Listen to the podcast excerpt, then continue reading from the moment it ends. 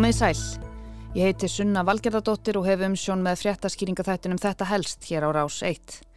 Í dag ætla ég að fjalla um meira en 30 ára gamlan dauðadóm sem var næstum því uppfylltur fyrir stuttu.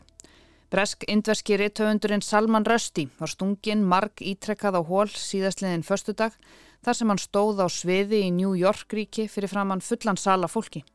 Hann var fluttur með þyrlu og sjúkrahús, gegst þar undir aðgerð og losnaði úr öndunarvél eftir Rúman Sólaring.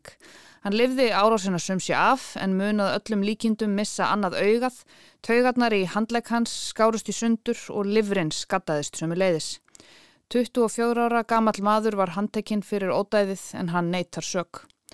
Rösti er líklega einna feigustum mönnum heims að minnstakosti svona ofinberlega en það eru meira en 33 ár síðan það var gefið út ofinbert skotlefi á hann. Hann var lístur réttræpur og fjö sett til höfusónum fyrir að skrifa bók. Stjórnvöldi í Pakistan ætlaði að kalla sendiherra allra íslamskra ríkja til ráðagerða um aðgerðir gegn bókinni Ljóð Satans sem margir Múhammestrúarmenn telja vera guðlast og móðgun við spámaninn Múhammed. Seks manns hafa látið lífið í óeirðum í Islamabad vegna bókarinnar. Öflugur öryggisvörður er nú við heimili höfundarbókarinnar og við höfuðstöðvar Penguins bókaútgáfunar eftir að Ayatollah Khomeini, leiðtögi Írans, kvatti til þess að reythöfundurinn yrði myrtur. Bókin Salmar Satans eftir Salman Rushdie hefst á því að tveir indverkir leikarar hrapa til jarðar eftir að flugræningar hafa sprengt farþegaþóti í loft upp yfir Ermarsundi. Ekki nómið það þeir lifa fallið af og endurholdgast. Annan tekur á sig mynd Gabriels eða Gibrils ekki engils en hinnum fyrir að vaksa hali, horn og klöfir. Tilvera þeirra er heldur ömleg og stendur koruður undir nafni í þessari bók þar sem mörg dröms og veruleika leysast upp og allt getur gerst. Hennum vestræna lesanda finnst þetta allt saman bara nokkuð skemmtilegur heilaspunni en í augum Múhammed trúarmanna er bókinn guðlast. Þeir kaplar sem helst fara fyrir brjóstuð á Múhammed trúarmönnum lýsa drömförum ekki engilsins. Það er látið að því líka að spámaður í Múhammed sem heitir reyndar Mahund í bókinni hafi skrifað kóraninn frá eigin brjósti en ekki skrifað hann niður eftir Guði. Að þau geru kvennamálma hunds þessa höfð í flimtingum. Á því leikur vart vafið að bókin er ekki samræðin við kennisetningar íslamskra heitrúarmanna og þeim er í lofalægið að fordæma hana. En það er annað mál að fordæma höfund hennar. John Stuart Mill sagði eitthvað í þá veru að þótt hann væri ekki sammála á skoðunum einhvers manns væri hann reyðu búin að fórna lífi sínu til að verja rétt hans til að halda þeim fram. Ummæli Khomeini eru prófsteinn og það hvort er sterkara sverðið eða pennin hvort bækurnar verða brendar á báli á samt höfundum þeirra.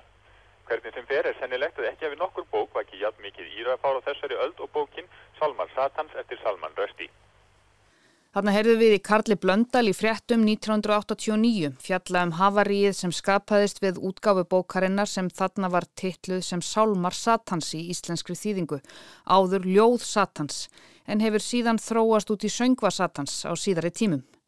Karl saði þarna réttilega að ekki hafi nokkur bók skapað jafn mikið írafár á þessari öld sem var þá svo síðasta og þessi bók rösti. Söngvar Satans er eina þekktari skáldsögum samtímans. Hún kom út árið 1988 og vakti gríðarlega aðtegli. Khomeini, erki klerkur í Íran, dæmdi höfundin til dauða fyrir guðlast. Bókabrennur voru haldnar vísvegarum heim, útgáfan hafði áhrif á sambú þjóða. Sjálfur neytist Salman Rösti til þess að fara huldu höfði næstu árin. Söngva Satans er stórt og mikið verk en hefst með því þegar farþegavél springur í loft upp yfir Ermasundi og niður úr himninum falla tveir menn, söguhetjunar. Salman Rösti fættist í Bombay á Indlandi 1947. Hann var þannig 41 á skamall þegar bókin kom út. Hann bjóð um tíma í Pakistan og mentaði sér svo á Englandi meðal annars í Cambridge þar sem hann lagði stund á sögu. Fyrsta bók hans, skálsagan Græmus, kom út árið 1975 en hún fór ekki hátt. En öðru máli gengdi um aðra skálsögu hans, Miðnætturbörnin, sem kom út árið 1981. Hún hlaut búkerverlunin og var setna valin besta búkerverlunabók allra tíma.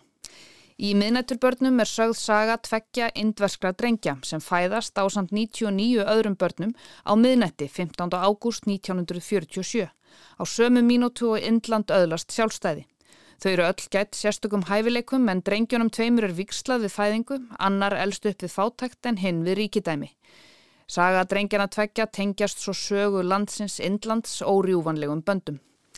Árið 1983 kom út skáldsagan Shame og svo þremur árum síðar bókinn Jaguar Smile.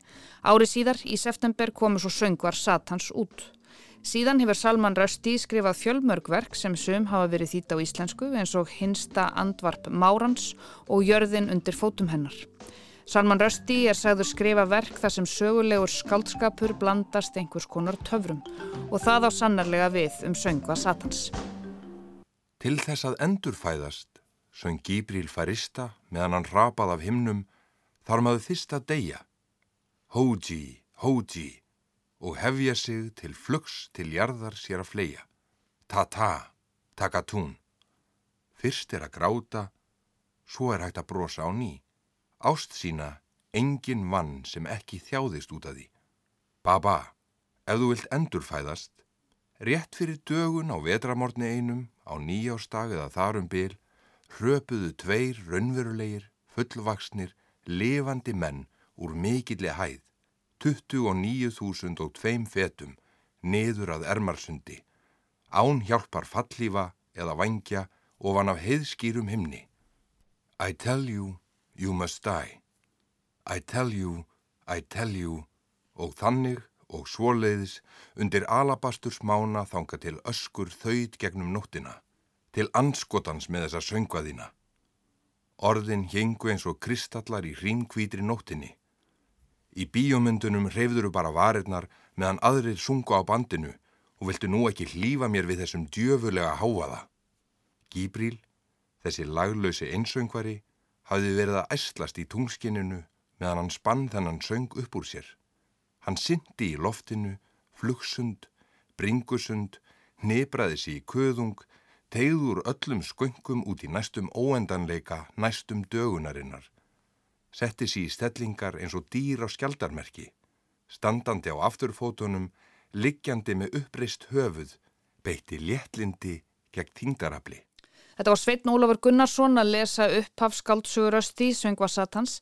Bókin var bók vikunar á rás 1 vorið 2015 og eins og þið heyrið og hafi líklega heyrt þá er það þessi bók sem gerði líf röstís erfitt en komunum sömu leiðis í fremstu röð heimskaldana. Hann þurfti að fara að huldu höfði í mörg ár enda búið að gefa út dauðadóm á hendur honum. Þann 14. februar 2019 var fjallað um rösti í speiklinum. 30 ár er í dag liðin frá því að klerkastjórnin í Íran gaf út tilskipunum að bresk-indverski rítöfundurinn Salman Rösti væri rétt dræpur vegna bókarinnar Söngva Satans. Víða allir bókin miklu fjarafóki og var sumstaðar bönnuð. Tugir letu lífið í mótmælum sem blossuðu upp út af henni. Japanskur þýðandi sögunar var myrtur en norskur útgefandi og ítalskur þýðandi lifðu af mortilraunir. Rösti fekk laurugluvönd og fór huldu höfði í nýju ár. Khomeini tók völdin í Íran eftir byltingana fyrir 40 árum í februar 1979. Hann léstur um um tíu árum síðar, nokkurum mánuðum eftir að hann gaf út tilskipunin á hendur rústi. Ríkisfréttastofa Írans greindi frá því fyrir 13 árum að sá eitt gæti aftur kalla tilskipun sem þessa sem gefið hefði hana út og þar sem kominni væri látin erði hún ávalt í gildi. Og sama dag var líka fjallaðum rösti í Víðsjá. Í nýjum útvarstáttum framleitum af Rás fjögur breska ríkisútvarpsins BBC er saga málsins rækin í þaula. Undarfarna tíu daga hafa daglega hljómað 15 mínuna útvarstættir um hérna ímsu ánga málsins. Þó að vissulega sé áhugavert og mikilvægt að heyra um líf rösti í felum og óhugnalegt ofbeldið sem hinnir ímsu aðilar urðu fyrir vegna tengsla sinna við útgáfu bókarinnar, er megin markmið þáttana að skoða málið sem ákveðin vatnaskil í sambúð innflytenda frá hennum íslamska heimi og vestræns samfélags. Þannig var málið steitt sem átti þetta að gára næstu áratugina eða kannski fyrsta af fjölmörgum öldum átaka sem átt eftir að blossa upp milli trúalegra og veraldlegra gilda, rótækara íslamskra bókstafstrúamanna og hins vestræna samfélags. I remembered Salman saying he thought he had written a book that might be a bit dangerous. The continued publication and distribution of the satanic verses will represent a time bomb set to explode it very quickly became them and us. Are you with us or against us? That was it. Satanic Verses as an event fuels a whole Islamist movement. We've heard that we need to do something something radical, which demonstrates the seriousness and the depth of offense that we were feeling. And hence, we took a decision publicly in front of the City Hall to burn the book. En skáldlegar vangaveltur um hvort ákveðin vers í kóraninum séu komin frá sjálfu myrkrahauðingjanum auk lýsingar á spámaninum Múhammed sem breyskum manni fór hins vegar fyrir brjóstið á einhverjum íslenskum lesendum. Breskum innflyndum af asískum og miðausturlenskum uppruna.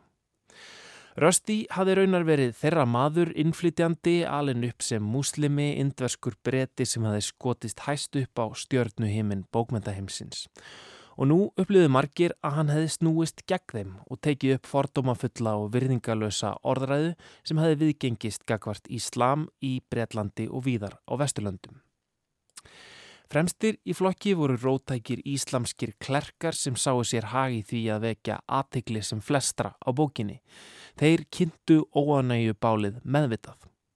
Tákræna óanægjubálið var fljótt raunverulegt þegar mótmæli breskra muslima í Bolton og Bradford urðu að bóka brennum á verki Röstís. Það er áhugavert að heyra í þáttunum um barnanlega innfældni eins skipulegjandana sem að í viðtali við þáttastjórnundur fatwa segist hafa verið þess fullviss að bókabrennunar myndu loksins sína grunlausum brettum hversu sárir íslamskir nágrannar þeirra væru. Þá myndu breytarnir sjá að sér loksins sjá rasismann og fordómana sem grasseruði í landinu. Þeim bráð því í brún þegar breskir fjölmilar síndu mótmælendur sem óumburðarlinda ofstækismenn. Það sem erkiklerkurinn gaf út heitir fatwa og það er trúarlegur úrskurður aðsta trúarleð toga síja muslima. Eins konar íslamskur pávaúrskurður ef við yfirfærum þetta yfir á kristina sem við hér kannski þekkjum aðeins betur til.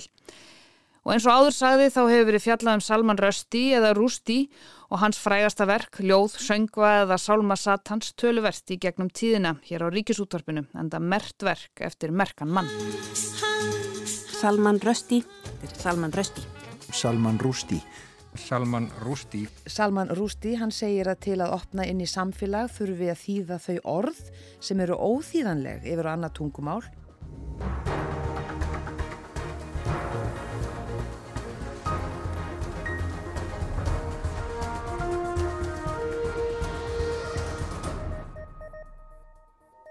Reithöfundurinn Salman Rushdie var stungin í hálsin þegar hann flutti ávarp á ráðstefni í New York í dag.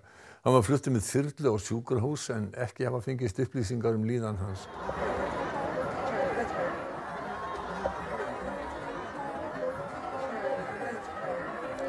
Hinn 24 ára gamli árásarmadur sem stakk í 12 sinnum er bandaríkjamadur af líbönskum uppbruna og margt bendir til þess að hann sé hallur undir kenningar öfgafullra síamuslima.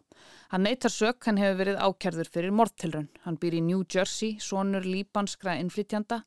Hann hefur líst stuðningi við íranska byltingarvörðin sem eru skilgreynd sem hriðuvarka samtök Vestanhafs. En ég ætla ekki að fara nánar út í hans sögu eða skoðanir hér. Joe Biden bandaríkjafórseti sagðist í yfirlýsingu í gær fordæma árásina og að hann og heimurinn allur bæði fyrir batari töfundarins.